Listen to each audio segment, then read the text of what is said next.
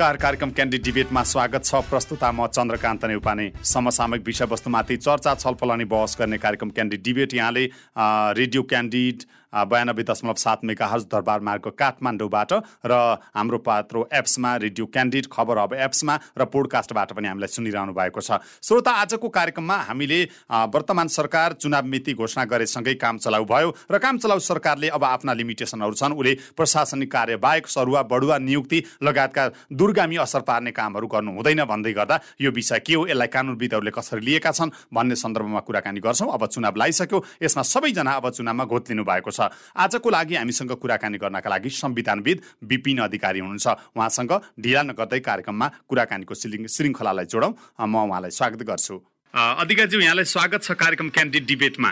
धन्यवाद नमस्ते। निर्वाचनको मिति घोषणा भइसकेका छ। यसलाई कानुनविदहरूले स्वागत गरिसक्नु भएको छ। यहाँलाई कस्तो लाग्यो? निर्वाचनको मिति घोषणा हुनु त राम्रो हो। अब यसको अर्थ अब समयमै निर्वाचन हुन्छ।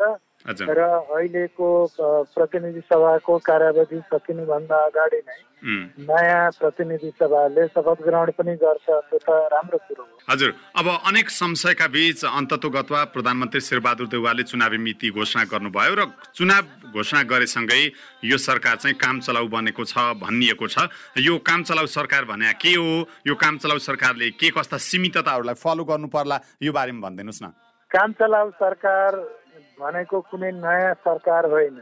काम चलाउ सरकार भनेको जुन विद्यमान सरकार छ त्यो सरकार नै हो। तर सरकार अब चुनावमा जाने भनिसकेपछि अब उसले चाहिँ आफ्नो परम्परागत हैसियत जे भए पनि हिजोको जुन म्यान्डेट थियो त्यो म्यान्डेटलाई छोडेर अब केवल राज्य र सरकारको प्रतिनिधित्व मात्र गर्ने त त्यो प्रतिनिधित्व गर्दाखेरि उसले त्यतिसम्म मात्र काम गर्ने हो जति गर्नु जरुरी छ। अब राज्यले के अरे सरकारले त्यस्ता काम कारबाहीहरूमा हात हाल्नु हुँदैन। जुन काम कारबाहीले चाहिँ नयाँ किसिमको स्रोत साधन नयाँ कानुन बनाउने नयाँ तपाईँको नीति तथा कार्यक्रम ल्याउने या नयाँ किसिमको चाहिँ ठुला निर्णयहरू गर्ने यी जति छन् यस्ता गर्नुपर्ने गर्नु हुँदैन। गरिएका जुन कामहरू छन् त्यसले सरकार अब चाहिँ निर्वाचनमा जाँदैछ। उसले निर्वाचनमा जाने वर्तमान अवसरलाई राज्यका स्रोत र साधनको प्रयोग गरेर आफ्नो फेभरमा र प्रतिपक्षी तथा सडकमा उभिएका उम्मेदवारहरूको चाहिँ डिसफेभरमा प्रयोग गर्ने छैन भन्ने मान्यता हो। कार्यवाहक सरकारले खालि चाहिँ सरकारका रूपमा निरन्तरता दिने हो। तर अब केवल हिजोका मूल्य मान्यताका आधारमा चल्ने हो नयाँ किसिमको चाहिँ अब त्यस्ता काम कारवाही गर्ने होइन। जुन काम कारवाहीहरू भविष्यमा आउने सरकारका लागि भारी थाप्ने काम जस्तो हुन्छ। त त्यस हुनाले कार्यवाहक सरकार भनेको केवल केवल चाहिँ सामान्य प्रशासन दिने सरकार हो। त्यसले चाहिँ म्यान्डेटेड सरकारको जस्तो चाहिँ सम्पूर्ण बल र अधिकार प्रयोग गर्नु हुँदैन भन्ने मान्यतालाई कार्यवाहक सरकारको मान्यता भनिएको अब अब यो विषयमा कुनै परिभाषा कानुन या संविधानले राजीनामा दिएपछि यो सरकार काम चलाउ हो भनेर व्याख्या गरेको छ कि यो एउटा अभ्यास हो? अभ्यासको आधारमा हामीले भन्छौँ यो। यो एउटा अभ्यास हो। अब संविधानमा संविधानमा तपाईँको कार्यवाहक सरकार या चाहिँ काम चलाउ सरकार भनेको के हो भनेर या कसरी यो अवधारणाको प्रयोग गर्ने भनेर चाहिँ उल्लेख गरिएको छैन। तर संसदीय मुलुकहरूमा कार्यवाहक सरकार निर्वाचनको घोषणा गर्ने सरकार कार्यवाहक सरकार मानिन्छ र निर्वाचन गरेर जबसम्म नयाँ सरकारले शपथ ग्रहण गरिसक्दैन तबसम्म त्यस्तो सरकारले एउटा नियमित आवश्यकताहरूको सम्बोधन गर्दछ। तर एउटा के भनेदेखि चुनावको ब्याकअप भएको प्रतिनिधि सभामा चाहिँ के भने सामर्थ्य भएको सरकारले जसरी काम गर्दछ त्यसरी चाहिँ गर्दैन। अर्थात् ऊ पनि चाहिँ निर्वाचन प्रक्रियाको एउटा सहभागी हो। सामान्य सहभागीको औकातमा उसले आफूलाई पनि राखेको यसको अर्थ प्रधानमन्त्री अब कार्यकारिणी अधिकारमा हुनुहुन्न भने हो। होइन प्रधानमन्त्रीको कार्यकारिणी अधिकार हुन्छ तर त्यसलाई उहाँले प्रयोग गर्नुहुन्न। हजुर। अब जस्तो काम चलाउ सरकारले अब दुर्गामी निर्णय गर्नु हुँदैन प्रशासनिक कामहरू आफ्ना नियमित कामहरू गर्न मिल्छ भन्दै गर्दा यसभन्दा अगाडि काम चलाउ सरकारले दुर्गामी निर्णय गरेर त्यस्ता प्रभाव परेका हामीसँग त्यस्ता नजिर उदाहरणहरू छन् कि छैनन्? त्यस्तो यस्तो छ नेपालमा मूल्य मान्यतालाई धेरैपल्ट चाहिँ असर गर्ने गरी काम कारवाहीहरू भएका छन्। अब अब देशले नयाँ संविधान पाएको छ नयाँ एउटा तपाईँको मापदण्डका आधारमा शासन चलाउने बाध्यता छ। अब संविधानमा समस्या छैन। अब चाहिँ मूल्य मान्यतालाई कार्यान्वयन गर्ने हो। हिजो पनि तपाईँका सामान्यता यी मूल्य मान्यताहरू चाहिँ कार्यान्वयन भएकै देखिन्थ्यो खास गरी राजा हुँदाखेरि त पूर्ण रूपमा कार्यान्वयनमा थिए तर राजतन्त्र समाप्त भएपछि अब भोटरको ब्याकअप नभएको सरकार या निर्वाचनमा जाने सरकारले पनि तथानाम काम कारवाहीहरू गरेर अगाडि बढेको पनि हो तर त्यस्तो गर्नु हुँदैन अब हिजो चाहिँ तपाईँको के थियो भने शासकीय अस्थिरता थिएन संविधान निर्माणको बेला थियो तर अहिले त त्यस्तो छैन। अहिले त अब मूल्य मान्यताहरू स्थिर बिन्दुमा छन्। तिनलाई कार्यान्वयन गर्ने दायित्व सबैभन्दा बढी त नेपाल सरकारकै हो। त्यसपछि अन्य राजनैतिक पक्षहरूको पनि हो। हजुर। अब जस्तो निर्वाचन घोषणा भइसकेपछि अन्तिम नतिजा नआउँदासम्मको अवधि निर्वाचन अवधि हामीले भन्छौँ र यस्तो अवस्थामा सरकारले प्रशासनिक काम बाहेक अरू गर्न मिल्दैन भन्दै गर्दा अहिले निर्वाचन घोषणा गरेको एउटा प्रसङ्ग भयो भने कस्तो कस्तो अवस्थामा सरकार काम चलाउ बन्ने रहेछ? त्यो पनि अलिकति जानकारी गराइदिनुहोस् न धेरैको जिज्ञासा छ। होइन जस्तो भनौँ न अब ठुला सन्धि सम्झौताहरू अहिले गर्नु हुँदैन। किनभने त्यस त्यो निर्वाचनको उद्देश्यले गरियो भने त्यसमा चाहिँ निर्वाचनमा भाग लिने विभिन्न पक्षलाई चाहिँ विभेद हुन जान्छ। त्यस्तो नयाँ प्रोजेक्टहरू नयाँ नीतिहरू नयाँ कार्यक्रमहरू ल्याउनु भएन। अब यस्तो अवस्थामा सरकारले राज्यका स्रोत र साधन जो स्रोत र साधनहरू छन् तिनीहरूको दुरुपयोग गरेर आफूले निर्वाचन जित्ने अरूले हार्ने गरी त्यसरी चाहिँ एउटा राज्य मसिनरीको दुरुपयोग गर्न सक्दछ त्यस हुनाले उसले अब कर सधैँ उठाउनु पर्छ होइन?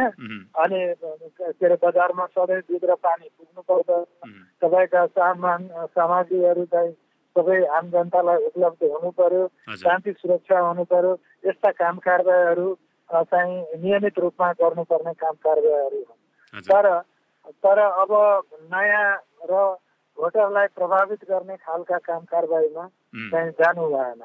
किनभने त्यस्तो भइदियो भने ल अहिले भनौँ न जस्तो अब सरकारले हामीलाई चाहिँ के भनेदेखि यो प्रोजेक्ट हामी चाहिँ गर्छौँ र यो प्रोजेक्ट सुरु गर्छौँ ल हामीलाई भोट देऊ र हामी कोदालो खनिसक्यौँ भनेर भन्ने अवस्था आयो भने त्यो चाहिँ कार्यवाहक सरकारको मूल्य मान्यतामाथिको अतिक्रमण मानिन्छ। हजुर। अब यो अन्तर्राष्ट्रिय प्रचलन अनुसार नै होला तर पनि अलिकति कानुनविदहरूको कुरा एउटा अनि अन्य पक्षको एउटा यस्तो कुरा आउँछ कि अलिकति यही विषयमा पनि अलिकति मत विभाजन जस्तो देखिन्छ नि। एक्ज्याक्टली के हो भन्ने कुरा चाहिँ हजुर। कानुनविदहरूले आफ्नो हिसाबले भन्दछन्। अब त्यो त्यो के हो भने कतिपयको राजनैतिक एजेन्डाहरू पनि हुन्छन् पार्टी पनि हुन्छ। त्यस हुनाले आफ्नो पक्षलाई कताबाट सहयोग पुग्छ भन्ने आधारमा खास गरी वकिलको त तपाईँको के हो भने एउटा अदालती संस्कार भनेको आफ्नो पक्षका लागि बोल्ने नै हो। त्यसका लागि कानुनको सुविधा उपलब्ध गराउने हो। तर अब समसामयिक यस्ता राष्ट्रिय विषयवस्तुहरूमा खासै खास गरी संविधानका मूल्य मान्यताका कुरा गर्दाखेरि अनि सबैले निष्पक्ष र र जुन एउटा सैद्धान्तिक दृष्टिकोण हो त्यसलाई प्रस्तुत गर्नुपर्छ। अब मैले भनेको चाहिँ त्यो सैद्धान्तिक दृष्टिकोण नै हो। त्यो यहाँ मात्र होइन निर्वाचनमा जानेले भोटरलाई चाहिँ राज्यका स्रोत र साधनको प्रयोग गरेर अनि प्रभावित गर्ने दिन आयो भने त्यो त अदालतले पनि यस्ता विषयवस्तुहरूलाई स्वीकार गर्ने अवस्था हुँदैन। मैले भन्दै थिएँ अब जस्तो सरकारका अब केही सीमितताहरू भए त्योभन्दा बढी सरकार चल्न थाल्यो यसका संरचनाहरू त्योभन्दा बढ्ता क्रियाशील हुन थाले भने यसमा बोल्ने अदालत अर्थात् प्रधानमन्त्रीले के कस्तो काम गर्यो भनेर हेर्ने को राष्ट्रपति? होइन राष्ट्रपतिले त राष्ट्रपतिले जहिले पनि प्रधानमन्त्रीलाई गर्दा पछाडि एउटा उचित सल्लाह दिन सक्नुहुन्छ त्यो उहाँको विशेष अधिकार हो। तर राष्ट्रपतिको सल्लाह सार्वजनिक रूपमा व्यक्त हुँदैन गरिनु हुँदैन किनभने त्यसले क्याबिनेट गभर्मेन्टलाई असर गर्दछ र त्यो राष्ट्रपतिको भूमिका होइन भन्ने हामीहरू मान्दछौँ। तर यस्तो विषयमा एकातिर निर्वाचन आयोगले बोल्न सक्दछ होइन? अब कोड अफ कन्डक्ट सही नभएको पनि निर्वाचन आयोगले तपाईँ निर्वाचन गराउने सरकार हो। अब यस्ता कुराहरूमा तपाईँहरूले अघि सर्नु हुँदैन भनेर सार्वजनिक रूपमा उसले भन्न सक्दछ। त्यो उसको संवैधानिक हैसियत उसलाई प्राप्त छ। यहाँ अदालतले भन्न सक्दछ। तर अदालतले अब चाहिँ स्वेच्छाले भन्ने कुरो हुँदैन। अदालतले त मुद्दा मामिलाको रोहमा आफ्ना कुरा स्पष्ट गर्ने हो। त त्यो कसैले यदि जसलाई विभेद भएको छ या जसलाई चाहिँ निर्वाचनमा राज्यका स्रोत साधनको दुरुपयोग गरियो भन्ने जसलाई चाहिँ आशंका छ या जसले म पीडित हुँ भन्दछ त्यो अदालत जान सक्दछ र अदालतले अन्तरिम आदेश दिन सक्दछ जस्तो बाबुराम भट्टराई नेतृत्वको सरकारले दुई हजार उनसत्तरी जेठ चौध गते म्याद नथप्ने निर्णय गर्दा संविधान सभा भङ्ग भएको उदाहरण थियो र भट्टराईले आफूलाई कार्यकारी प्रधानमन्त्रीकै रूपमा कायम राख्ने भन्दै त्यतिखेर राजीनामा घोषणा गर्नुभएको थियो। अहिले सरकारले यदाकदा त्यस्तै दुर्गामी असर गर्ने खालको ठुलै निर्णय गर्यो भने चाहिँ के हुन्छ? उहाँको नैतिकता हुन्छ कि हुन्न? यो पहिलो कुरो त तपाईँको यो जुन अन्तरिम संविधान आयो संविधान सभा का लागि भनेर। त्यो अन्तरिम संविधान संविधानवादका मूल्य मान्यताहरूमा आधारित थिएन। धेरै कुरा राम्रा थिए तर कतिपय एउटा संवैधानिक संरचनाहरू असाध्यै चाहिँ प्रब्लमेटिक या प्रश्न गर्न सकिने खालका थिए। अब त्यस हुनाले त्यस बेला फेरि देशमा राजनैतिक अस्थिरता पनि थियो। अनि अस्थिरता जति धेरै रहन्छ त्यति नै तपाईँको संवैधानिकतामा रास आउँछ र त्यो कारणले गर्दा त्यस बेला त्यो अनुभव धेरै राम्रो थिएन। अब त्यतिखेर तत्कालीन राष्ट्रपति रामवरण यादवले त तपाईँहरूसँगै कानुनविदहरूसँग सरसल्लाह गरेर भट्टराईलाई काम चलाउ प्रधानमन्त्रीको पत्र थमाउनु पर्ने इतिहास पनि भएको हो त्यतिखेर।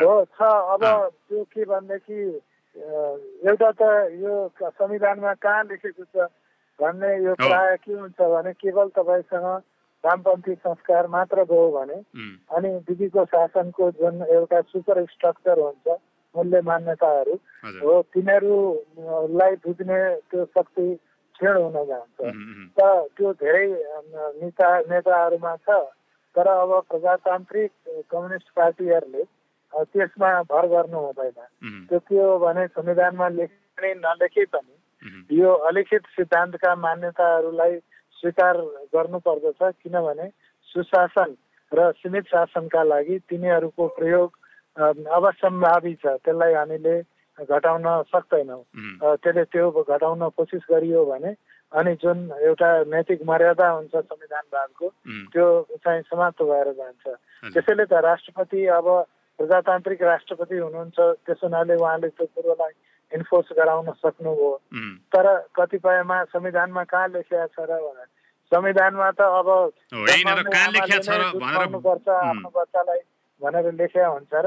लेख्या हुँदैन नि। त्यो त त्यो त्यस्ता कुरामा एउटा नैतिकवान मान्छेले चाहिँ विवाद गर्दैनन् होइन बेलायत त अब लिखित संविधान बिनै चल्या छ बेलायत होइन र अब कुरा अन्डरस्ट्यान्डिङकै हो। हो अन्डरस्ट्यान्डिङ हो र फेरि जुन देशमा संसदीय प्रणालीको विकास भयो त्यो देशमा त संविधानै छैन थिएन त उनीहरूले यी सबै जुन चाहिँ कन्भेन्सनहरू छन् मूल्य मान्यता परम्परा र प्रथाहरू जसका आधारमा उनीहरूले देश चलाए सयौँ वर्षदेखि त्यसैलाई संवैधानिक कानुनको आदर्श मान्दछन् अनि हामीले संविधान लेख्यौँ ती आदर्शहरू सबै समेट्न सकेनौँ। तर एउटा संविधानको विद्यार्थीले त त्यसलाई समेटेर बोल्नु पर्दछ। किनभने संविधान तमसुक होइन। संविधानको पछाडि एउटा मूल्य मान्यताहरू छन् र त्यस त्यसका चाहिँ त्यो त ठेलीका ठेली लेखिएका छन्। त्यो कुरो बुझेर कुरा गर्नु पर्यो नि त। अब अब चुनावको मिति घोषणा भएको छ धेरैले यहाँ के भन्छन् भने देउवालाई तपाईँहरूले चाहिँ तपाईँको कानुनविदहरूले पनि चुनाव मिति घोषणा गर्नुपर्छ हामीसँग संवैधानिक बाध्यता छ भनिराखेका थियौँ। निर्वाचन आयोगले पनि दबाब दिइरहेको थियो। प्रतिपक्षीले त निर्वाचन सार्ने षड्यन्त्र गरिरहेछ भन्दै गर्दा देउवाले चाहिँ चुनावको मिति घोषणा गर्नुभयो। उहाँले ज्योतिषलाई हेरेर चाहिँ चुनावको मिति घोषणा गर्नुभयो। संवैधानिक बाध्यतालाई उहाँले हेर्नु भएको थिएन भन्छन्। यहाँले के भन्नुहुन्छ यो विषयमा? होइन अब यस्तो छ। अब ज्योतिषलाई लगाएर अब नीति होला अब त्यस्तो गर्नु हुँदैन भन्ने त छैन। त्यो अब नेपाली हिन्दू समाजमा त्यस्ता मूल्य मान्यताहरू छन्। तर अब खास त्यो ज्योतिषले मानौ होइन यो मङ्सिरमा त चुनाव हुनै सक्दैन भनिदिएको भए अनि हामी संवैधानिक सङ्कट भोग्न तयार हुन्थ्यौँ त। त्यसो हुनाले यो धर्म र संस्कारका कुराहरू र ज्योतिषलाई पनि धेरै हदसम्म तपाईँको विज्ञानका रूपमा अध्ययन गराइँदैन। त कतिले यसलाई चाहिँ अब हाम्रो हिन्दू एउटा सभ्यतासँग जोड्दछन्। त त्यस हुनाले कुरा मिलुन्जेलसम्म त ठिकै छ। नमिल्दाखेरि अनि त्यो राज्यका लागि एउटा ठुलो ऊ हुन सक्दछ समस्या हुन सक्दछ। त सेकुलर इन्स्टिट्युसनहरूले चाहिँ संविधानको मान्यता अनुसार हिँड्ने हो। अब यो के भनेदेखि तपाईँले भने जस्तो अब पण्डित हेराएर शास्त्र हेराएर त्यो के भनेदेखि एस्ट्रोलोजीका आधारमा गर्ने होइन। त्यो सामान्यतया व्यक्तिगत सन्तोष देला तर राज्य चलाउँदाखेरि सार्वजनिक जवाबदेता संविधानको स्तरमा पुरा गर्नु पर्ने हुन्छ।